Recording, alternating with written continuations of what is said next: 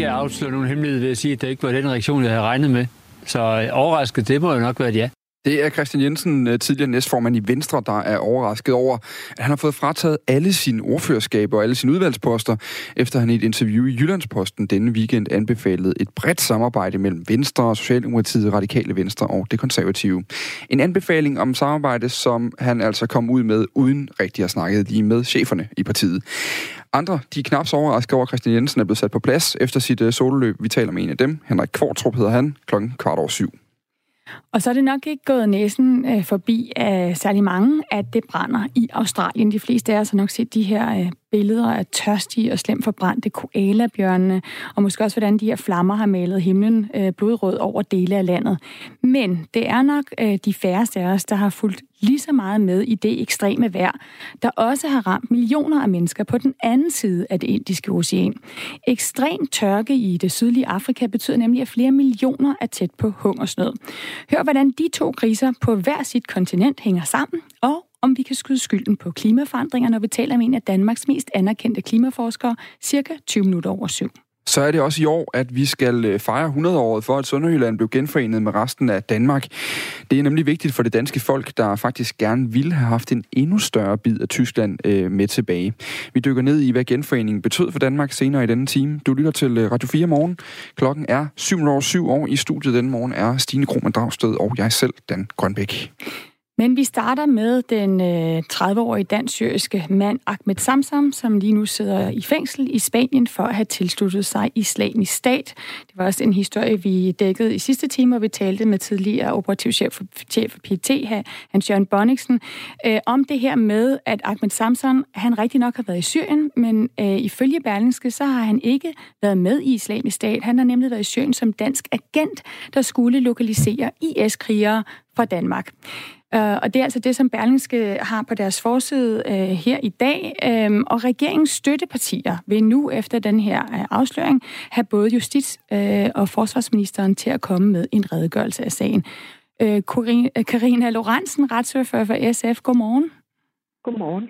I er jo en af regeringens støttepartier. Øhm, og ifølge Berlingske, der sidder Ahmed Samsam altså fængslet i Spanien på grund af noget, han har udført for Danmark som agent for vores efterretningstjenester. Hvad mener du om det? Jamen, jeg synes, det er problematisk, hvis vi har en øh, dansk statsborger siddende i Spanien i et fængsel. Hvis han i virkeligheden sidder der, fordi at han har været rekrutteret som agent øh, for den danske stat, øh, og er dømt for noget af det arbejde, han har udført for dem. Øh, og man så har undladt at hjælpe ham. Øh, det synes jeg helt ærligt ikke, man kan være bekendt. Men øh, vi har jo kun øh, Berlinskes udlægning af sagen, og det er jo også derfor, at, øh, at jeg har bedt øh, både forsvarsministeren og justitsministeren om at redegøre for, hvad der er op og ned i den her sag. Hvad er det, du mangler af oplysninger for at finde ud af, hvad der er op og ned? Jamen, vi mangler selvfølgelig en bekræftelse på de øh, ting, som øh, Berlinske lægger frem. Altså, var han agent hyret af de danske myndigheder? Vidste man, som øh, Berlinske skriver, at øh, han var blevet sigtet for noget, og undlod man så at øh, bidrage med oplysninger til den spanske stat, som kunne have opklaret det her forhold. Øh, og har man dermed set passivt til, at han er blevet dømt øh, for noget arbejde, som man har udført for den danske stat. Det synes jeg er de oplysninger, som er helt væsentlige, og som vi øh, selvfølgelig skal have bekræftet af både justitsministeren og forsvarsministeren. Og er det så korrekt, ja, så synes jeg, at vi har en forpligtelse til at hjælpe ham hjem øh, som minimum. Øh, jeg ved ikke, hvad man kan gøre, når man øh, allerede er dømt for noget, men, øh, men jeg synes jo ikke, vi kan lade en mand i stikken på den måde. Men Karina Lorenz, nu hørte vi lige fra øh, Hans-Jørgen Bonniksen, som altså er tidligere operativ chef for PET, at øh, det er altså sådan, at når man er villig at gå ind til at være agent, så ved man også godt, at der er en risiko ved det, og at hvis man bliver opdaget, øh, så kan man ikke nødvendigvis regne med hjælp øh, for dem, som er man blevet sendt ud af. Er det ikke sådan, at efterretningsarbejde fungerer? Altså, det har jeg faktisk øh, ikke nogen vidne om, og jeg kan jo se i øh, artiklerne, at han i hvert fald er citeret for at, at sige, at at han havde, øh, at han var blevet stillet hjælp i udsigt, hvis at det skulle gå galt. Og, e, og Spanien er da trods alt et EU-land, øh, som man har nogle forbindelser med, og det er derfor, at jeg trænger til at få forklaret, hvad er op og ned på den her sag.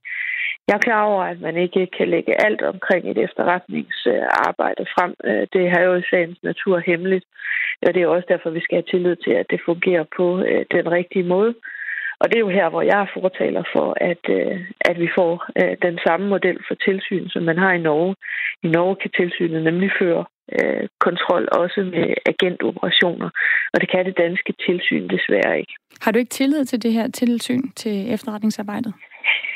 Om generelt har jeg tillid til efterretningstjenesterne. Jeg er faktisk sikker på, at, at mange ting foregår efter bogen, eller af og til så ser vi jo nogle ting, hvor tilsynet griber ind, og så bliver der sådan set også rettet op på det.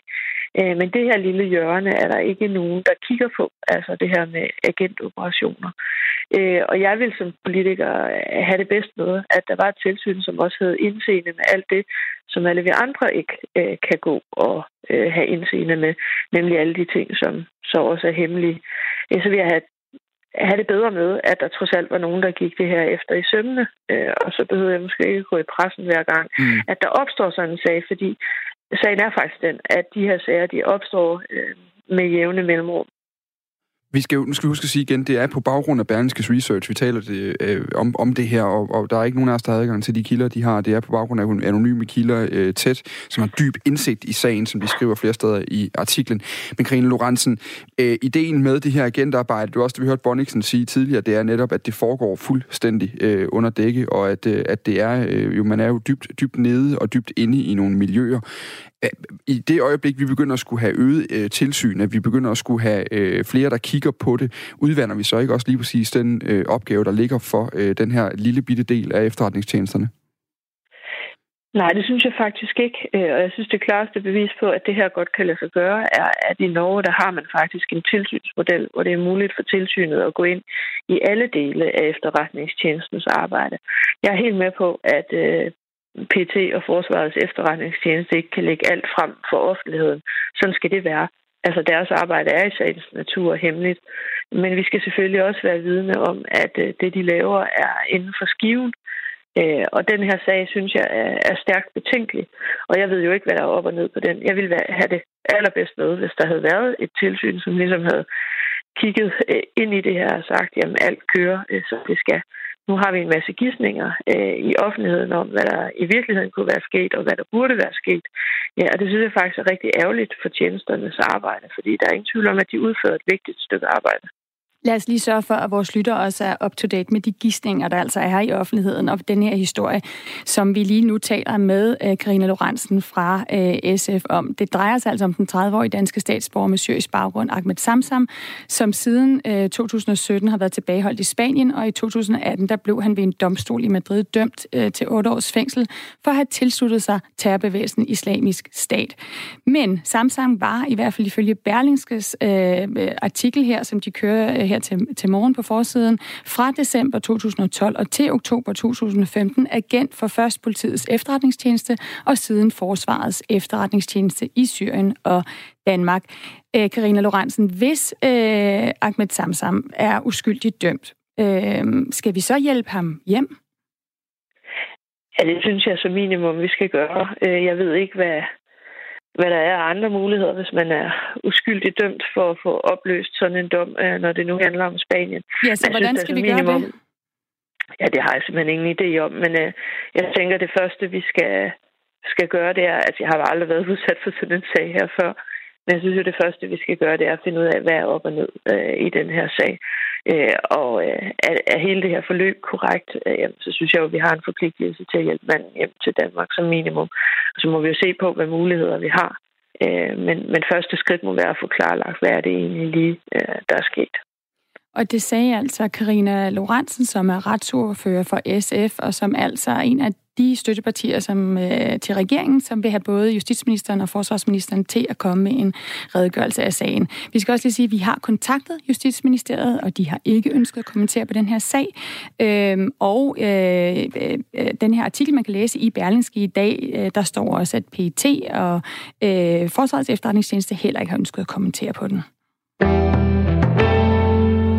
Klokken er kvart over syv, du lytter til øh, Radio 4 morgen.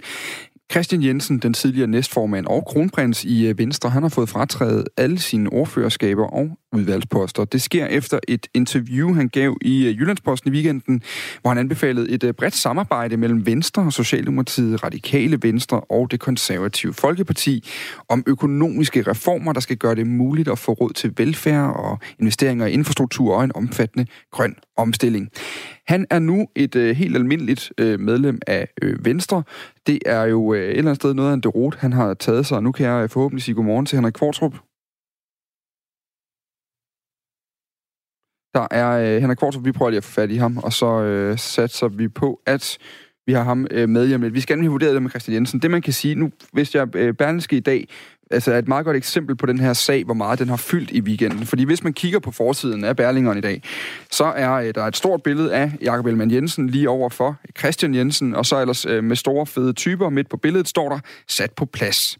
Og det er altså en mand, der for øh, bare 6-8 måneder siden altså drømte om ligesom at blive den næste statsminister, den næste formand for Venstre, den næste øh, at i, i rækken af de her øh, Venstre statsminister. Og nu er han så endt med at sidde i folketingsgruppen uden nogen som helst øh, tillidsværv, kan man sige, i den, og øh, være menigt medlem. Og et af de spørgsmål, man netop så derfor kunne have, det er da, er det fordi det er Christian Jensen, tidligere kronprins, der øh, ligesom øh, skyder ud for skiven her, at øh, man bliver sat på plads, fordi det virker som om, der er andre der, øh, i Venstres ledelse, der godt kan være uenige med Ellemann, uden på samme måde at få øh, en afklapsning. Godmorgen, Henrik Kortrup. Godmorgen. Hvis vi nu lige starter med det helt oplagte øh, sådan, øh, øh, øh, vurderingsspørgsmål på baggrund af øh, det seneste otte måneder i Christian Jensens politiske liv. Hvor stor en nedtur har det været? Ja, det har der været en monumental nedtur, som Christian Jensen har været ude for. Du skal tænke på, at den øh, dag, vi alle sammen gik til Folketingsvalget den 5. juni, der kunne Christian Jensen tænke på, at når øh, dagen var omme, så ville han enten fortsat være højt placeret minister i, i en borgerlig regering, eller også tyde alt på, at så ville han være formand i Venstre. Det var en af de to scenarier, der var øh, absolut mest realistiske for Christian Jensen. Nu står han der øh, ribbet for alt, så det er øh, ikke for meget at kalde det en kæmpe nedtur. Christian Jensen han vil jo fremover ikke længere være arktisordfører. Det er blevet taget fra ham. Han skal heller ikke længere være medlem af den arktiske delegation. Han skal ikke være medlem af Finansudvalget, Færøudvalget, Grønlandsudvalget eller Udenrigsudvalget. Det er alt sammen øh, hvad han altså har mistet efter den her udtalelse. Man har jo set andre, blandt andet næstformand i Venstre, Inger Støjberg, udtalelser om øh, den her øh, episode med Qasem Soleimani i, øh, i Iran, hvor man jo også gik imod linjen, eller hvor hun gik imod linjen i partiet, men hvor der ikke rigtig falder, øh, falder branden ned på samme måde. Er Christian Jensen, har han bare i lang tid haft øh, røven i klasse klaskehøjde, så at sige? Altså, man skal forstå, at når øh, Christian, hvad hedder han, Jakob Ellemann Jensen, Venstres øh, relativt nye formand, reagerer så voldsomt, som han gør, så, så hænger det jo sammen med, at han øh, ikke i de første måneder som formand har formået at manifestere sig som nogen stærk formand. Øh, snakken var begyndt at gå, om det nu var det forkerte valg, Venstre havde truffet, om der virkelig var andre, der styrede det parti, end lige Jacob Ellemann Jensen.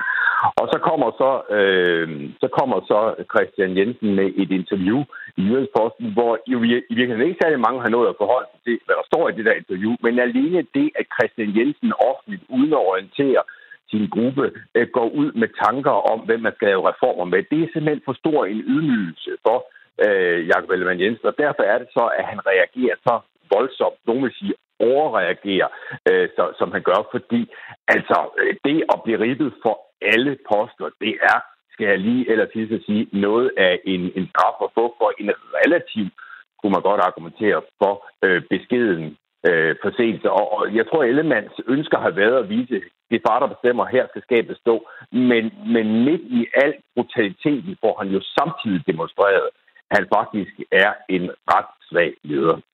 Men Henrik Kvartrup, på den anden side kan man jo også sige, øh, Christian Jensen har han ikke lært noget? Altså, det er jo ikke første gang, han går ud og laver sådan et solo-interview øh, og får problemer, øh, når man øh, netop ikke er ligesom øh, den øverste i partiet med at, at gå bag om, om ledelsen. Altså, skulle han ikke lige have tænkt sig om?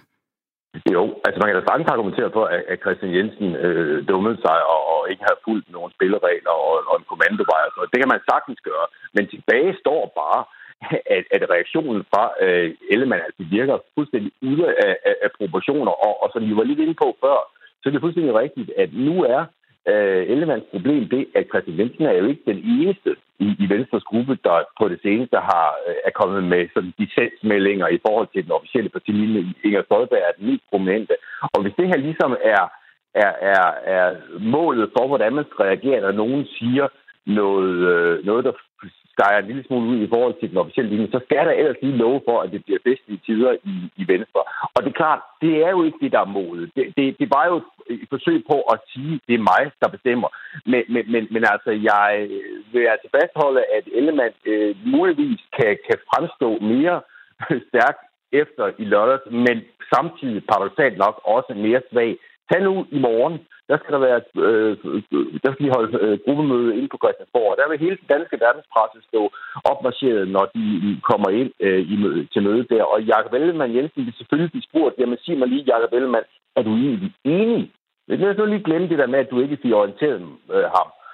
Eller at øh, Jensen ikke fik orienteret dig. Men er du enig i det, som han sagde ja. i interviewet i Jyllandsposten? Og der vil han jo være nødt til at sige enten ja eller nej, så siger ja, han er enig, øh, så må, han, må folk jo tænke, det var da noget af en hård reaktion. Eller hvis han ikke er enig, kan det virkelig være rigtigt, Jacob Ellemann? Du skal ikke ønske at lave reformer. Så han har, han har malet sig selv, mm. Ellemann, en lille smule op i et hjørne her. Ja, og det er jo, det er jo egentlig det, jeg gerne vil ind til her nu, med, med, fordi indholdet i meldingen er jo egentlig ikke ny. Altså, vi havde også, øh, ja, sidste gang han kom i unåde, Christian Jensen, der var det faktisk for at gå imod en melding, der mindede lidt om det, hvor den tidligere statsminister Lars Løkke Rasmussen jo åbnede op for at arbejde sammen med Socialdemokratiet om, om en regeringsdannelse. Altså, meldingen her, der handler om, om at lave økonomiske reformer, som Radikale Venstre, Konservative Folkeparti og Socialdemokratiet. Hvad, hvad, hvad siger Jakob Ellemanns reaktion på det her, om hans holdning til det spørgsmål? Jamen, under normale omstændigheder ville enhver venstreformand da sige, selvfølgelig skal vi lave reformer med et bredt flertal i Folketinget. Mm. Og det er jo det, der er, det er, det, der er så mystisk ved den her sag, at det, som Jacob, det, som Christian Jensen sagde til burde en venstreformand egentlig være enig i. Så, så det er noget med, at, at, at Christian Jensen bliver afstraffet for sin manglende orientering og ikke for indholdet øh, i det, han siger. Fordi det, det, altså, det, burde være, øh, altså, det burde være noget, alle venstreformænd, alle venstrefolk mere eller mindre ville kunne skrive under på det her ønske om reformer hen over midten. Lige til sidst, øh, Christian Jensen siger nu, han sagde i går øh, også i, øh, på citat, at øh, han havde heldigvis andre ting at tage sig til, så, så han skulle nok få fyldt noget tid ud, selvom han ikke har de her øh, tillidsværv længere, eller de her udvalgsposter øh, og, og hans ordførerskab. Hvad, hvad, hvordan står Christian Jensen tilbage nu? Hvordan ser hans politiske fremtid ud nu? Der er også flere, der allerede har gidsnet om, om han er på vej over i Radikale Venstre. Det afviste han også Der er kommet en indbydelse endda fra Jens Rode ja. på Twitter. ja, han har jo selv været i Venstre en gang. Øh, jamen, jamen altså, ja, den ser da ikke specielt lys ud, den, den fremtid. Altså, efter sådan en ordentlig ydmygelse, så, øh, så, så synes jeg på en eller anden måde, det lugter af, at Jensen har fremtiden øh, bag sig i politik. Selv sagde han jo i går i et interview øh, meget bestandt, at han var venstremand, han ville være venstremand, og han sagde så der, at han ville lægge i graven som venstremand. Så det tyder jo ikke på sådan noget nært forestående partiskifte ligefrem. Men, men, men altså, må det ikke, at øh, Christian Jensen er udkig efter de øh, muligheder, der måtte byde sig ude for øh, Christiansborgs mure. Det vil være mit øh, bedste bud. Det bliver spændende at se. Tak fordi du kunne være med her, Henrik Kvartrup. Det var en fornøjelse. Og øh, det, man kan altså kigge på øh, forsiden i dag, som vi lige nåede at nævne inden. Øh, forsiden af Berlingske i dag er altså, øh, det, det er de helt store fede typers plads i dag. Sat på plads står der altså på det her billede af Ellemann og øh, Jensen. Og man kan selvfølgelig også kigge i Jyllandsposten, hvor det altså, det var der, at, øh, at Christian Jensen lavede det her interview, som mm. øh, han selv er meget overrasket over, har betydet, at han nu øh, er blevet frataget sin udvalgsposter. Jeg siger bare, allerede dengang Christian Jensen for noget tid siden ligesom offentliggjorde, at, øh, at nu har han blevet kæreste med Pernille Rosendal, der sagde jeg en tidlig morgen, inden vi gik i gang med at sende, at det ville være første skridt på vej over i Radikale Venstre. Måske Jens Rode er enig. Altså fra, øh, ja, det lyder i hvert fald, at der kom i hvert fald en opfordring fra Jens Rode om, at uh, der var endnu mere højt til loftet hos, uh, hos de radikale. Vi må se om otte år, når vi er færdige med at lave Du tror simpelthen, at, uh, at det kan påvirke ja. ens politiske standpunkt, at man får en ny kæreste? Ja, hvem du er uh, sammen med? Ja. Det bliver interessant, det her, Dan, for jeg var faktisk en lille smule glad for, at øh, jeg overhovedet se dig her til morgen. Det er meget, meget farligt, det her. Ja, ja. fordi altså, jeg var faktisk en lille smule bange for, øh, for om du vil være her. Fordi Hvorfor? vi har jo ikke set hinanden øh, så meget i nogle uger. Men det har altså ikke noget at gøre med dine politiske holdninger, Stine. Nej, men du har jo måske lidt været med utro. Hvad? Du har været nede på sport og været vært. Jeg bare godt kan lide fodbold ved siden af. Jamen, så er spørgsmålet, om du synes, det er spændende nok at stå her. Så jeg er rigtig glad for, at du er her, og stadigvæk synes, at det er spændende at lave nyheder og Radio 4 morgen sammen med mig. Det synes jeg i den grad, det er. Klokken er fem minutter i øh, halv otte, og det er grund til, at jeg synes sådan nogle ting. Det er, fordi vi også skal snakke med øh, mennesker som Søren Elkrog lige om øh, få sekunder. Søren Elkrog, han er deltidsbrandmand og har lige fået at vide, at han sammen med 10 andre frivillige brandmænd skal til Australien i denne uge. Godmorgen, Søren Elkrog. Godmorgen. Og så kan vi jo sige tillykke med brylluppet i går. Jo tak, jo tak. Der er gang i uh, tilværelsen for øjeblikket, hva'? Der er gang i, i rigtig meget tilværelsen. I skal, øh, du skal ned og hjælpe en lokal organisation, der hjælper familier efter naturkatastrofer. Og så blev du altså gift i øh, går. Hvorfor, hvorfor blev det lige præcis i går, at øh, du og din kæreste skulle, øh, skulle øh, blive til mand og kone? Jamen altså, vi havde jo sådan set planlagt et bryllup her på sensommeren, men øh, efter alt det her med Australien, og, og jeg havde planlagt, at jeg skulle afsted. Øh, så kom hun sådan set og sagde, at vi skal giftes, til vi tager afsted, i tilfælde, der sker et eller andet dernede. Så, jeg, så alt det formelle var i orden, inden, øh, inden øh, jeg drager afsted.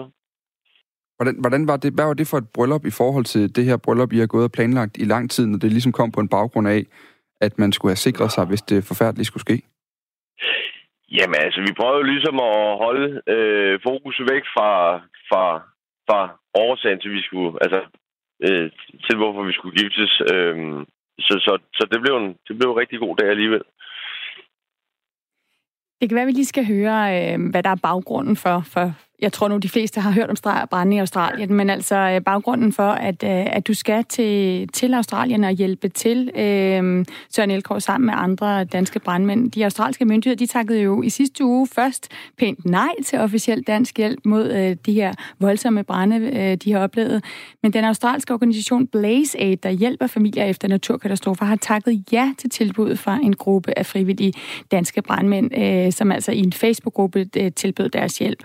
10 brandmænd flyver til Australien torsdag øh, eller fredag skal være sted i 18 dage, og de skal altså hjælpe med oprydningsarbejdet.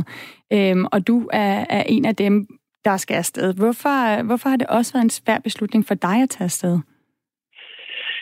Jamen, fordi der er nogle, øh, nogle risikoer til, øh, til, at tage, til at tage derned, ned, ikke også? Øhm, der, er, der er jo dyr, der, der er jo, jamen, der, er jo, der kan jo stadig være små brænder nede, og jamen, der, der er nogle forhold dernede, der ikke ligesom er, som er der er herhjemme, ikke? Mm. Øhm. Er der nogle specielle udfordringer med, altså du er vant til det med, med, at, bekæmpe, med, med, med at være brandmand og bekæmpe branden. Er der nogle specielle udfordringer, du har gjort, der lige ligesom skal forberede jer på, når vi snakker om de her naturbrænde? Jamen, nu skal vi, nu skal vi jo ikke ned og, og slukke, de, de, øh, slukke branden dernede. Vi skal jo ned og, og fælde træer og hjælpe med at få bygget op igen. Øh, så, så vi kommer jo ikke i nærheden af, af flammerne dernede, øh, som det ser ud lige nu. Mm. Hvad er det så, du, hvad er det egentlig, når du, når du nu sidder for dig selv og tænker over, at du skal afsted hjem, hvad er det så selv, øh, hvad er det for nogle scenarier, du, du kunne være bange for? Altså, hvad er det egentlig, du frygter ved opgaven dernede? Jamen, der er ikke noget, jeg frygter dernede, øh, fordi at det, det, altså, jeg, sidder ikke, jeg sidder, bliver nødt til at sidde og ture, eller ikke sidde og tænke på, hvad, hvad der er at frygte. Mm. Øh, jeg skal, ned, jeg skal tænke på, jamen, hvad er der positivt i de her ting. Jamen, jeg kan komme til at gøre en forskel for nogle mennesker, som, som har brug for, at der er nogen, der gør en forskel for dem. Mm. Vi skal lige sige til vores lyttere, at I jo kan skrive ind til os på 1424, øh, hvis I har nogle kommentarer til de her historier. Blandt andet også det her, vi ved, at der er rigtig mange øh, af jer også, og danskere, der følger med i branden i Australien, og øh, har, har doneret øh, til de indsamlinger, der er. Og nu hører vi altså også, at, at der er Søren Elkrog og andre skal der ned øh, for at faktisk, hjælpe. Der er faktisk lige præcis en på sms'en, der skriver, hvad er det Søren og de øvrige brandmænd skal lave dernede? For de skal jo ret baseret ikke ned og bekæmpe skovbrænd. Og det kan vi sige, det er lige det Søren lige fortalte lige før, at det er mere oprydning nu efter brændene, så du kommer ikke i nærheden af, af flammerne. Søren, hvordan, hvordan havde din ko, øh, nu, øh, nu kone før kæreste det, da du kom til hende og sagde, at du tog, du tog simpelthen lige til Australien for, øh, for at hjælpe til dernede nu? Altså det første svar, det var sådan set, øh, nej, det skal du sådan set ikke. øhm, men, men efter noget tid, så kommer hun og siger, at det er jo faktisk noget, du rigtig, rigtig gerne vil. Øh, og det betyder rigtig, rigtig meget for dig, at du kan gøre noget for andre. Så jeg synes faktisk, du tager, tager afsted, og du har vores fulde opbakning herhjemmefra. Mm. Så hun har, jo, hun har jo tænkt over nogle ting om, hvad, hvad, altså, da, da, hvad der kan stå på spil dernede, ikke også? Søren Elko, må jeg lige til sidst øh, spørge dig, der er en af vores lyttere, der også spørger, øh, hvem betaler for rejsen for for eksempel dig, når du skal til Australien? Jamen, der har vi flere forskellige sponsorer ind over, øh, der, der har været også behjælpelige med at kunne, kunne komme derned. Mm. Så det er ikke øh, den nye øh, fælleskonto, der allerede bliver overtrukket fra start af, fordi du skal ud og... Nej. nej, nej, heldigvis ikke. Heldigvis ikke. Det er godt. Tillykke med ægteskabet, Søren Elkrog. Jamen, øh, jeg siger tusind tak. Og pas godt på dig selv dernede, ikke? Det skal jeg nok. Godt. Klokken er blevet uh, halv otte. Tak fordi du kunne være med her. Velbekomme. Og nu skal vi have et uh, nyhedsoverblik med Signe Ribegaard.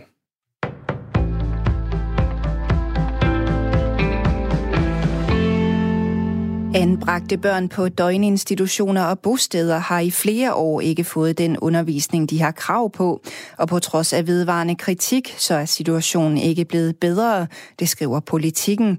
Sådan lyder kritikken fra ombudsmandens børnekontor på dagen, hvor statsministeren har indkaldt til regeringsseminar, hvor man skal drøfte en styrket indsats for udsatte og anbragte børn. Chefen for ombudsmandens børnekontor, Susanne Weige, siger, at selvom ombudsmanden tilbage i 2016 2016 kritiserede en række institutioner til anbragte børn for ikke at tilbyde dem undervisning i de fag, de har krav på, så tyder det på, at situationen ikke har ændret sig. En konsulentrapport fra Rambøl viste i 2018, at 69 procent af de interne skoler ikke tilbød den fulde fagpakke til eleverne. Børne- og undervisningsminister Pernille rosenkrantz teil er stærkt utilfreds med den utilstrækkelige undervisning på de interne skoler, som hun mener muligvis bør lukkes helt helt. Det siger hun til politikken. Det er ikke nok at have dygtige bankrådgivere, gode lån og en stabil netbank, hvis kunderne skal være tilfredse. De skal også have tillid til banken og ledelsen. Det må Danske Bank sande. For banken er den blandt landets 20 største, som har de mindst tilfredse kunder. Det viser en årlig undersøgelse fra Analyseinstituttet Voxmeter, der har spurgt over 51.000 bankkunder, hvordan de ser på deres bank. Sagen i Estland, hvor Danske Bank er mistænkt for at være brugt til hvidvask for milliarder, koster fortsat på tilliden, og det samme gør sagen om investeringsproduktet Flex Invest Fri. Kunderne i Danske Bank er jo faktisk ret glade for Øh, selve det, de får leveret hos banken og deres systemer og deres rådgivere. Men altså, hele det her omkring, hvordan bankledelsen har ageret, det, har, det, det overskygger ganske, ganske enkelt, altså hvor godt man faktisk synes, at banken dagligdagen fungerer. Det siger Christian Stjer, der er administrerende direktør hos Voxmeter. Mads Skovlund, der er ansvarlig for Nordeas danske privatkunder, er ked af placeringen, selvom han hæfter sig ved en lille fremgang fra sidste år. Jeg er ikke tilfreds med niveauet. Øh, det kan vi selvfølgelig ikke være, når vi ligger der, hvor vi ligger, men jeg er glad for, at vi nu i denne undersøgelse og i andre undersøgelser eksternt også ser en stigning. Det er meget positivt. I den modsatte ende af skalaen ligger Arbejdernes Landsbank og Ringkøbing Landbobank i toppen, hvilket har været billedet gennem flere år. Premierminister Scott Morrisons popularitet er styrtdykket som følge af regeringens håndtering af de omfattende skovbrænde i Australien. Det viser en meningsmåling fra det australske analyseinstitut Newspoll. Scott Morrison er blevet skarpt kritiseret for at have reageret for langsomt på krisen og for at tage på familieferie til Hawaii, mens det brændte. Under et tv-interview søndag erkendte premierministeren der også, at han har begået nogle fejl. Opbakningen til premierminister Scott Morrison er faldet 8 procentpoint til det laveste niveau, siden han overtog formandskabet i det liberale parti i august 2018. Det viser Newspoll-målingen, der er foretaget blandt 1505 respondenter. I dag har finansminister Joa Frydenberg oplyst, at regeringen vil oprette en fond til beskyttelse af Australiens dyreliv på 50 millioner dollars, svarende til godt 230 millioner kroner. Den lille havfru er i nat blevet udsat for herværk. Ukendte gerningsmænd har skrevet Free Hong Kong på den sten, som statuen er placeret på med spraymaling. Det oplyser vagtchefen ved Københavns politi til TV2. Og et kig på vejret, lidt eller måske nogen sol, men også byer rundt omkring. Temperatur omkring 6 grader og lidt til frisk vind. Og her i morgentimerne er der stedvis risiko for rimer i glatte veje i den nordlige del af Jylland.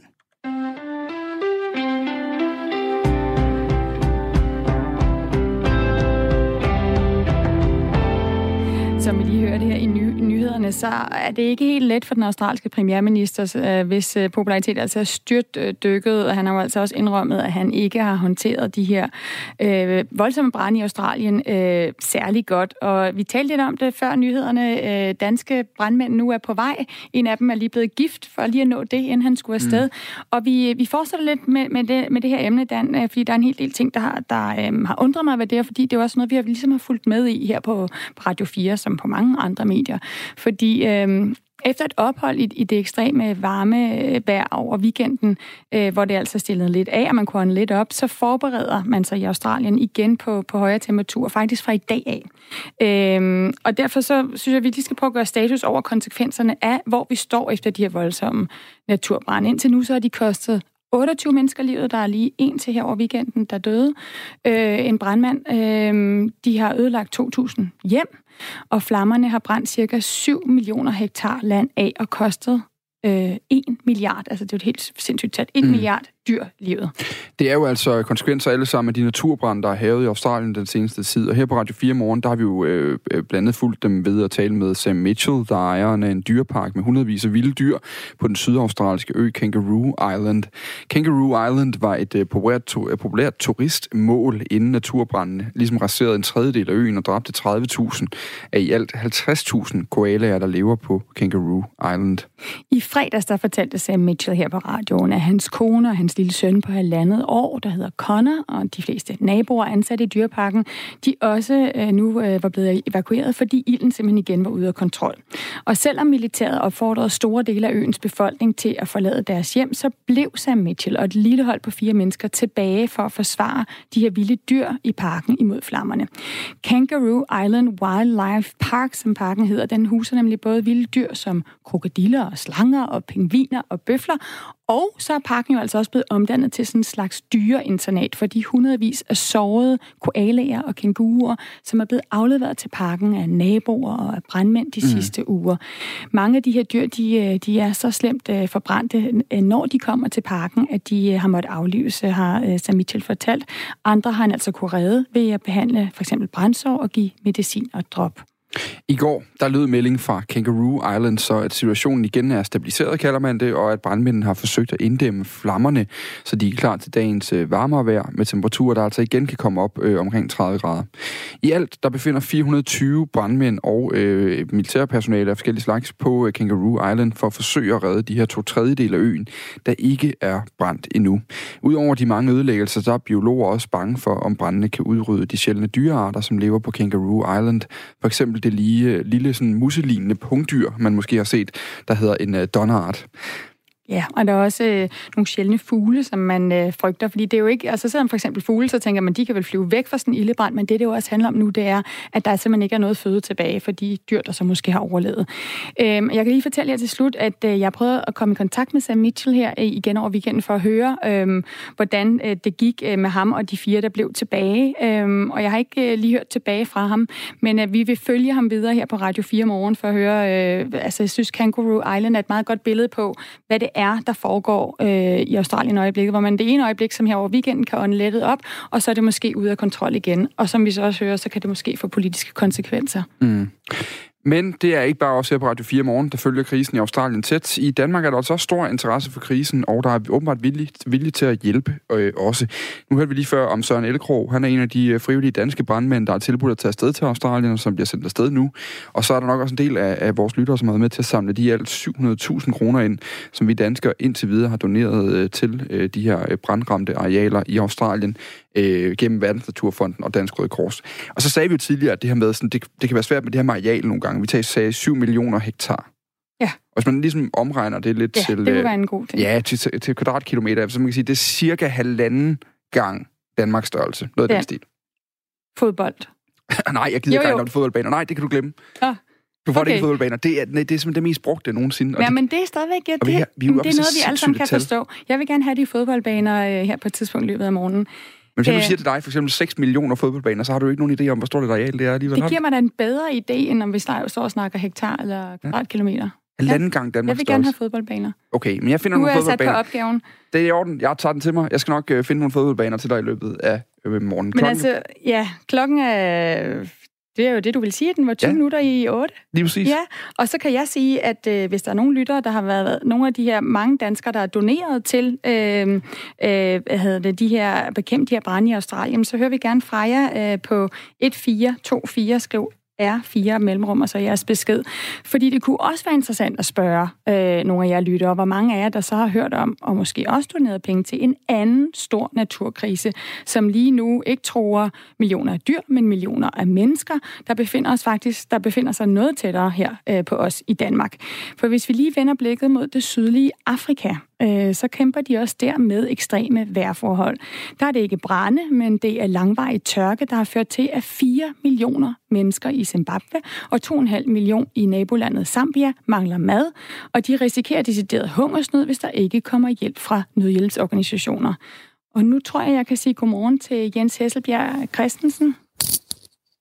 Godmorgen, godmorgen. Jens Hesselbjerg. Øh, du er altså professor og klimaforsker fra Niels Bohr Instituttet øh, på Københavns Universitet.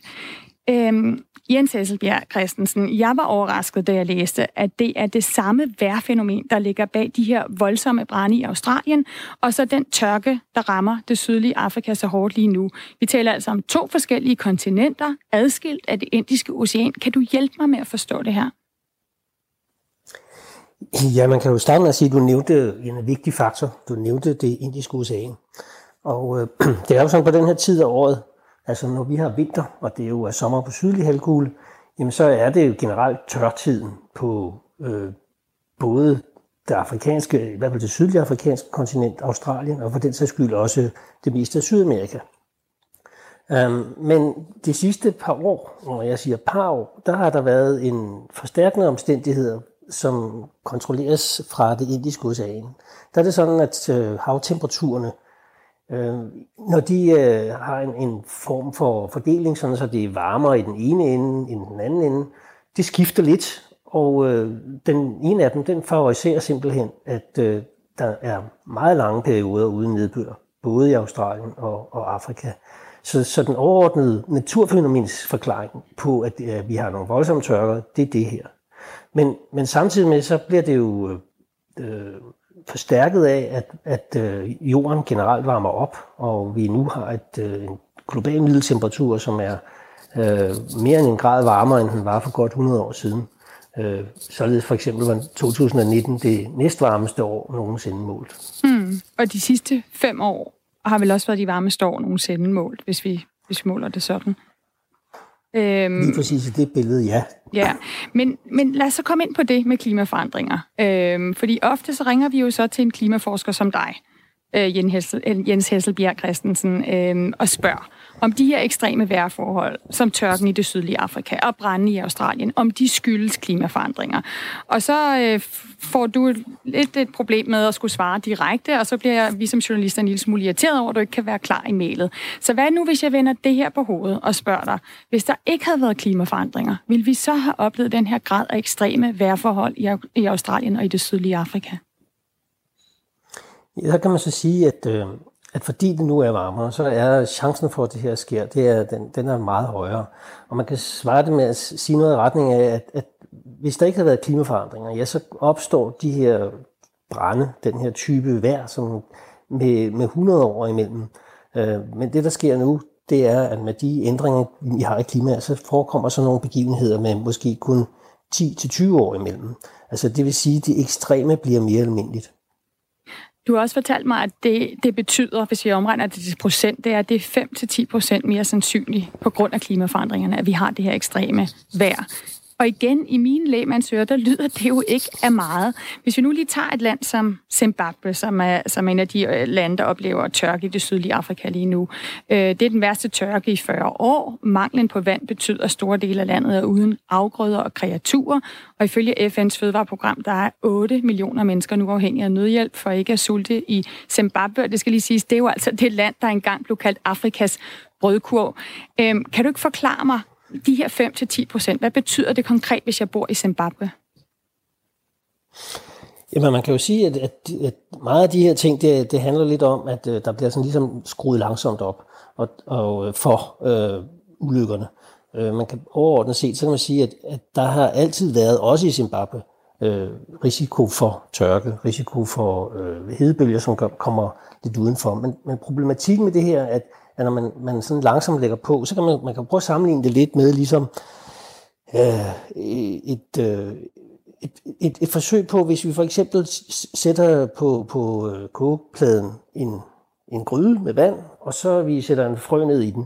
Øh, det lyder sådan lidt øh, uhyggeligt, og skruer vi lidt langsomt op for den, så er resultatet faktisk, at frøen ikke lægger mærke til, at vi skruer op, før det sådan set er for sent, og den er blevet lullet ind i, at det er varmt vand, og det bliver så for varmt.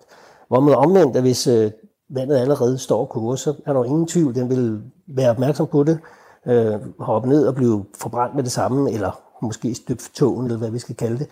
Og, og det kan vi sammenligne lidt med det her. Det vi, det vi oplever nu er, at øh, rigtig mange ting, så er vi i det der forløb med, at øh, vi kan ikke rigtig mærke, at det har ændret sig. Fordi vi ligesom har vindet os til det, og, øh, og, og, og, og det er der, vi er tæt på, at det kan være på vej til at være for sent. Mm. Og en af dem, det er for sent for, det er Pauline øh, Mukan, øh, Mukandakanda, som er en af dem, der er blevet ramt i øh, Zimbabwe. Prøv lige at høre, øh, hvad hun siger her. Eh, nekula kwedrought regore rini ndakarasikirwa nemombe dzangu 6 Ja, hun siger, at øh, hun fortæller, at øh, Pauline fortæller, at hun har mistet sine seks køer, og, og alle hendes øh, afgrøder er også visnet. Øhm, øhm, så det har næsten ikke været muligt for hende at høste noget. Og det vi også hører, det er altså, at der står en masse mennesker rundt om Pauline, og det er, fordi hun er ved et maduddelingsssted. Altså den her sult, som hun oplever, har tvunget hende fra sin gård på landet i Zimbabwe til hovedstaden Harare, for at få tildelt nødrationer. Jens Hesselbjerg Christensen, professor og klimaforsker fra Nielsborg Instituttet på Københavns Universitet. Øh, nu fortalte du lige om det her med, med frøen, der bliver smidt i, øh, i, en, i en gryde med vand, og så skruer man langsomt op. Men øh, bliver der skruet hurtigere op, eller rammer de her klimaforhold hårdere i lande, som for eksempel Zambia og Zimbabwe, end når vestlige lande øh, som Australien eller, eller Danmark med det her, øh, den her meget varme sommer, som vi havde rammes? Ja, det gør de jo, fordi man kan sige, at øh, det, er jo, det er jo et rigtig godt eksempel at sammenligne øh, Zimbabwe med Australien. Det er også et uhyggeligt eksempel, fordi det viser jo med al tydelighed, at øh, Australien er jo sådan set klædt på. Vi hører, at antallet af dødsfald er uhyggeligt, men, men vi, det minder jo intet om, når vi hører om katastrofe i, i ulandet. Altså 28 eller 30 mennesker er lidt afhængig af, hvad jeg er ikke helt opdateret, men, men tilsvarende situation i Zimbabwe, hvor man havde øh, hvis der opstår stor brand, så vil tab af menneskeliv desværre være meget højere, fordi man har ikke infrastrukturen, man har ikke de nødvendige ting, der skal til for at, at, at, at håndtere det. Og der kan man sige, at øh, det er det, der gør, at øh, katastrofer, når de rammer i, i ulandene, øh, dels fordi der er mange mennesker, men ikke kun fordi der er mange mennesker, meget mere fordi, at øh, de mange mennesker mangler den nødvendige øh, basale infrastruktur og øh, i det hele taget midler til at håndtere de her situationer, så, så ender det meget tit med, at øh, især i Afrika, som vi kender det godt, øh, står i sultkatastrofer. Og det er, kan man sige, det er, det er de vilkår, der ligger i hele klimaproblematikken. Den, de rammer dobbelt hårdt, når, når man, man ikke rigtig har noget at stå imod med. Mm. Øhm, Klimadebatten den har jo rykket sig gevaldigt de sidste år. Øh, I det meste af verden, der diskuterer vi ikke om klimaforandringer er menneskeskabte, men hvordan vi bedst sætter ind over for klimaforandringer. Øh, med de her ekstreme klimaforhold, der rammer Australien, det sydlige Afrika, ja, ramte os selv med en hedebølge i sommer, så også en lytter, der har skrevet ind og sagt, at vi skal huske de brænde, der var i, i Sibirien. Øhm, så det er jo altså noget, vi ser igen og igen rundt omkring.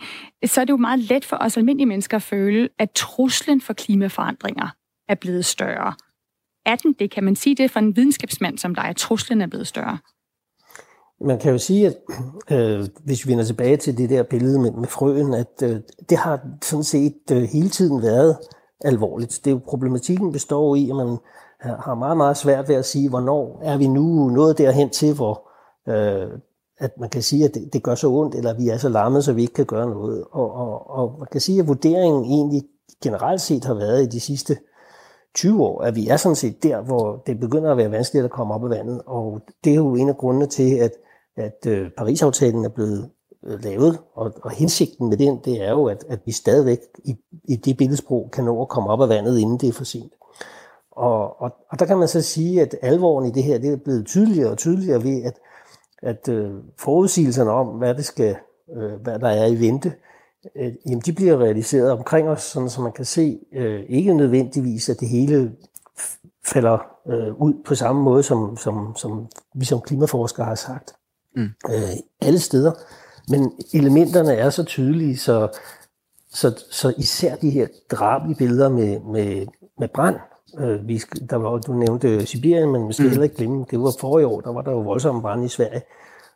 Det er jo billeder, som øh, trykker sig på nethinden, og jeg tror ikke, der er nogen mennesker, øh, der almindeligvis vil føle sig sikre i forhold til, at øh, man kan se øh, flammer, der stikker flere meter i, i vejret, eller måske op til 30-40 meter. Det er sådan noget, som, som rykker vores allesammens øh, selvforståelse. Og, og derfor er jeg ret overbevist om, at den her slags ekstreme begivenheder desværre er det her med, at der skal lige på bordet, før vi for alvor begynder at, og, og, og gå op for den enkelte, hvad det egentlig er, vi taler om. Her til allersidst, Jens Helsebjerg Christensen. Øh, det, der sker, når man laver klimajournalistik også, altså når man fortæller om de her ting, så dukker der gerne øh, også skeptiske bemærkninger op. Vi har fået en sms her, hvor der står, det er 100% løgn. De australske brænde skyldes ikke, og ikke med caps lock, klimaforandringer. Disse brænde er påsat, og så skal vi ellers få styr på vores venstredrejede journalistik. Så er der også en anden, der skriver ind, der har altid været klimaforandringer. Tjek dog alle de påsatte brænde, og at man de senere år grundet miljøfolk har forhindret de vigtige brandbælter, der forhindrer branden i at sprede sig. Det passer jo ikke ind i klimahysteriet. Altså, der er, der er jo også en, en, en grundlæggende skepsis, når der går hype i noget, som der ligesom er gået i, øh, i klima, når der bliver talt meget om det, så vil der altid være nogen, der sætter sig på, på, øh, på bagbenene, kan man sige, eller stiller sig på bagbenene og, og, og går imod. Bare lige en gang til. Kan, koblingen mellem klimaforandringer og de brænde, vi ser lige nu, hvor tydelig er den? Jamen for en professionel som mig selv, så er de meget tydelige. Man kan sige, at, at de her øh, sms-beskeder, de er jo rigtige i den forstand, at at alle de her fænomener, de finder jo sted uanset hvad. Det, der er hele problematikken, det er, at øh, den globale opvarmning har skubbet på de forhold, som er de naturlige forekommende, hen et sted, hvor øh, de her mere ekstreme begivenheder, de bliver mere og mere sandsynlige. Og øh, det betyder jo ikke, at, øh, at alting er klaret ved, at, at vi øh, stoppede opvarmningen. Øh, der vil stadigvæk være ulykker. Der var rigtig mange ting, der foregår. Men vi, vi øh, bevæger os et sted hen, ikke et sted hen, hvor, hvor vi overhovedet ikke aner, hvad det er, der foregår. Og det er sådan lidt det, der er på, på tapetet nu. Tak, øh, Jens Hesselbjerg Christensen, professor og klimaforsker fra Niels Bohr Instituttet på Københavns Universitet, for at hjælpe med at gøre os lidt klogere på, hvordan de her ekstreme vejrfænomener hænger sammen, og hvordan klimaforandringer spiller ind. Klokken er blevet øh, 8 minutter i 8, og øh, den officielle fejring af genforeningen mellem Danmark og Tyskland er jo altså i fuld gang. Det er 100 år siden i år, at øh, Danmark og Sønderjylland blev genforenet i 1920, var det altså. Fredag aften, der var 1200 gæster så inviteret det kongelige teater ved den officielle fejring af genforeningen. Godmorgen, Mogens Rosgaard. Godmorgen. Du er forskningsleder ved Dansk Centralbibliotek for Sydslesvig. Skal vi bare starte fra den ende? Altså, hvordan ville Danmark se ud, hvis den her genforening ikke var sket? Ja, det er jo et rigtig godt spørgsmål, og det bliver selvfølgelig et, et, et gæt, eller et kvalificeret gæt måske.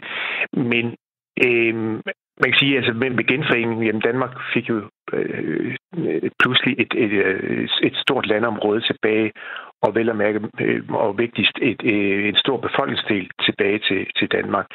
Så, så det vil sige, at, at det er i hvert fald det kort, der bliver, der bliver tegnet af 1920. Men hvis det ikke var sket, jamen så har man jo holdt sig inden for, for, for landets grænser, som de var dengang, altså det vil sige øh, langs, langs, Kongo, langs Kongo-grænsen. Og hvad der var sket i det længere forløb, er selvfølgelig vanskeligt at sige, men øh, synes jeg, et, et sandsynligt scenarie kunne være, at efter 2. verdenskrig, så har situationen været, været til, at, at der så ville være kommet en, en ny afstemning, eller en ny, et nyt spørgsmål ville være kommet op omkring hele grænsespørgsmålet. Mm. Og det kan så sagtens være, øh, igen sådan lidt, lidt, lidt, lidt tænkt, ikke? At øh, Danmark i virkeligheden har fået et større stykke med af, det gamle hertugdømme Slesvig, altså det nuværende syd, Sydslesvig har fået et stykke mere med, at det, hvis det er sådan, at det først var sket efter 1945. Ah, så der kunne være så været lidt mere at komme efter, hvis det var. Øhm, vi kan lige sige som central faktor lige kyle ind, altså for 101 år siden, der var Danmark jo altså unægteligt meget mindre, altså inden den her genforening skete. Den dansk-tyske grænse gik jo på det tidspunkt lige syd for Kolding, øh, fordi vi netop havde tabt krigen til, øh, til Preussen i 1864. Øh, der, der, der tog det tyske rige, altså den der store bid af det, det, det sydlige Jylland. Hvis vi så går lidt mere til den sådan, øh, betydningen af genforeningen for Danmark, øh, Måns Rosgaard, hvad, hvad, hvad var de vigtigste punkter i, i, altså hvad var det vigtigste, den betød for, for, for Danmark som land? Altså, jeg synes jo, øh, øh, sådan i nyere dansk historie, eller Danmarks historie, kan det vanskeligt overdrives den betydning, det havde og har. Øh, en ting er, at man fik et, et stort landområde, som sagt, og, og rigtig mange dansksindede, der kom hjem. Og det skal man forstå, at det, det har virkelig været en folkesag, altså i, i Danmark, netop med de her mange dansksindede sønderjyder, som har levet under et tysk øh, styre, og i, i visse, eller i, i perioder også sådan meget undertrykkende tysk styre her i, i mange år før 1920, så det har virkelig været en folkesag. Så det vil sige, at i årene efter 2. verdenskrig, der var det jo i høj grad national eufori, der, der gjorde sig gældende. Ikke? Øhm, så det, øh, og, og, og også en eller anden grad af, at man kommer lidt tilbage til, at Danmark kommer lidt tilbage til magt og vælde, altså efter 1864, ikke? det totale nederlag der. Og øh, i den grad et, hvad skal jeg sige, et ar på, på den danske nationale sjæl, som i nogen grad bliver, bliver lindret noget, også med den 1920-grænsen, at, øh, og med genforeningen, man får, man får Sønderjylland tilbage. Mm. Det, det blev så gjort ved en, øh, ved en folkeafstemning, og det, og det er ret særligt. Hvor, hvorfor er det, øh, det er det? Men man kan jo sige, at det er i hvert fald en, en ny måde at, at drage grænserne på mellem landene. Hidtil øh, har det jo været i høj, eller har det været magtpolitiske interesser, altså øh, igen i 1864, ikke? Hvor, hvor Preussen, øh, Tyskland senere, ikke, tager det her store landområde fra, fra, fra, fra det tidligere Danmark, selvom alle vidste, at der var stor dansk befolkningsflertal, der ønskede at, at, at tilhøre Danmark. Så den måde kan man sige, at det er nærmest et paradigmeskift, der finder sted her efter, efter årene, øh, i år, øh, årene lige efter Første Verdenskrig. Og øh, man kan også sige, at den dansk-tyske grænse, folkeafstemningen i den dansk-tyske grænseregion, er også noget særligt internationalt set. Man forsøger at lave noget tilsvarende andre steder i, i, i andre områder af Europa, men det kommer aldrig til at fungere ordentligt. Der må man sige, i hvert fald når man kigger på det lange forløb med den dansk-tyske grænse øh, efter folkeafstemning, jamen så kommer man egentlig til at og hvad skal vi sige, at, at, at fungere i den forstand, at der, der er ikke så stor utilfredshed ved den. I hvert fald ikke, når vi kommer efter, efter 2. verdenskrig. Mm. Noget, jeg har, noget, vi også sad og snakkede om på redaktionen i morges, inden vi gik i studiet med den her historie, Måns Rosgaard, det var, at vi bruger jo netop det her ord genforening, og det bliver sagt ja. hele tiden lige for tiden. Altså, det er jo nærmest alle steder, det kommer det nok til at være det næste års tid, hvor vi jo øh, går og holder folkefest for at have fået den her del af, af Danmark tilbage. Men, men bruger de også det ord syd for grænsen i dag? Altså genforening, hvor, hvor brugt er det i grænselandet? Ja, men man kan sige, at fra tysk side har man jo ikke talt om genforening, øh, fordi altså, det, er, det er en dansk term. Og øh, fordi man, man fra tysk side øh, kritiserer, jamen det er ikke nogen genforening, fordi Sønderland har aldrig, altså før 1920, har aldrig været en del af Danmark. Det har aldrig været en del af kongeriget Danmark. Det har været et selvstændigt hertugdømme, så derfor vil man fra tysk side øh, ikke anerkende udtrykket genforening. Nu kan man sige, at i dag øh, bruger man det jo også fra tysk side. Altså, der, der, er der, øh, der er der ikke de her, hvad skal jeg sige, indvendinger mod selve udtrykket genforening øh, længere. Altså, det, det ligger ikke i tiden længere, og, og, og jo også fra det tyske mindretals side, fra, fra landets Slesvig-Holstens side osv., fra, fra Tysklands side generelt, accepterer man jo fuldt grænsen, og, mm. og, som, som den, den forløber nu, og også anerkender, at, at hvad skal vi, for Danmark var det en vigtig historie, og, og genforeningen var en stor ting i dansk historie. Ja, også fordi man, når man taler om den her øh, øh, sejr i folkeafstemningen gang, så var det jo med sådan cirka tre fjerdedel, der stemte øh, på, på dansk øh, ja. på det tidspunkt. Altså, der er jo stadig et mindretal dernede. Hvor, er, er det stadig noget smerteligt for dem, når vi andre nu går og flager og, øh, og, og fejrer det det næste års tid? Ikke længere. Altså ikke længere. Øh, øh, I dag er det jo også en, en, en del af, af det tyske mindretals historie mm. med den genforening, der blev gennemført i 1920. Og tilsvarende kan man sige, at altså, der var heller ikke stor begejstring med det danske mindretal i Sydslesvig oprindeligt, at, øh, at, at, at de ikke kom med til Danmark. Men, men, men også, altså det er jo, tiden er kørt langt væk fra det der, og øh, i dag er der fuldstændig anerkendelse også blandt de to mindretal af, at øh, genforening er, er en stor begivenhed, egentlig også for, for dem hver især, og, og for grænseregionen samlet. Mm. Hvad, går, hvad går I og siger på, øh, fordi jeg tænker, I må, I, øh, du er forskningsleder ved Dansk, Dansk Centralbibliotek for Sydslesvig. Er, er det er glædelig genforening? Går man, er det sådan lidt over, hvor, øh, hvor man går og, og har, har sådan lidt man kan sige, fejringsstemning over de her ting? Man kan i hvert fald sige, at vi har travlt med, med alt det, der finder sted her i 1920. Om vi ligefrem, frem, altså, øh, ligefrem går og, og, og, og jubler sådan, det, det gør vi jo ikke hver dag, men, men vi gør det selvfølgelig til, til særlige lejligheder, kan sige noget, sådan der større arrangementer, det slags der, altså øh, festlige begivenheder, positive begivenheder set fra den side. Ikke? Øhm, også, også, også blandt mindretal i Sydslesvig. Altså. Mogens Rosgaard, der, det, det er jo noget, man, vi følger meget i Danmark, og der har været fejringer allerede her over weekenden osv. Og, og så har der også lige, i hvert fald på Facebook, været en hel del folk, der har været optaget af, at en journalist på DR hvis kom til at lave en lille fejl, da hun kom til at sige, at der har været fred i 100 år. Og det var jo selvfølgelig en fortalelse, som hun også straks ved at rette og sige, at det var fordi, vi hele tiden snakker om 100 år for genforeningen. Var det noget, du øh, kom til at grine af, da du hørte det?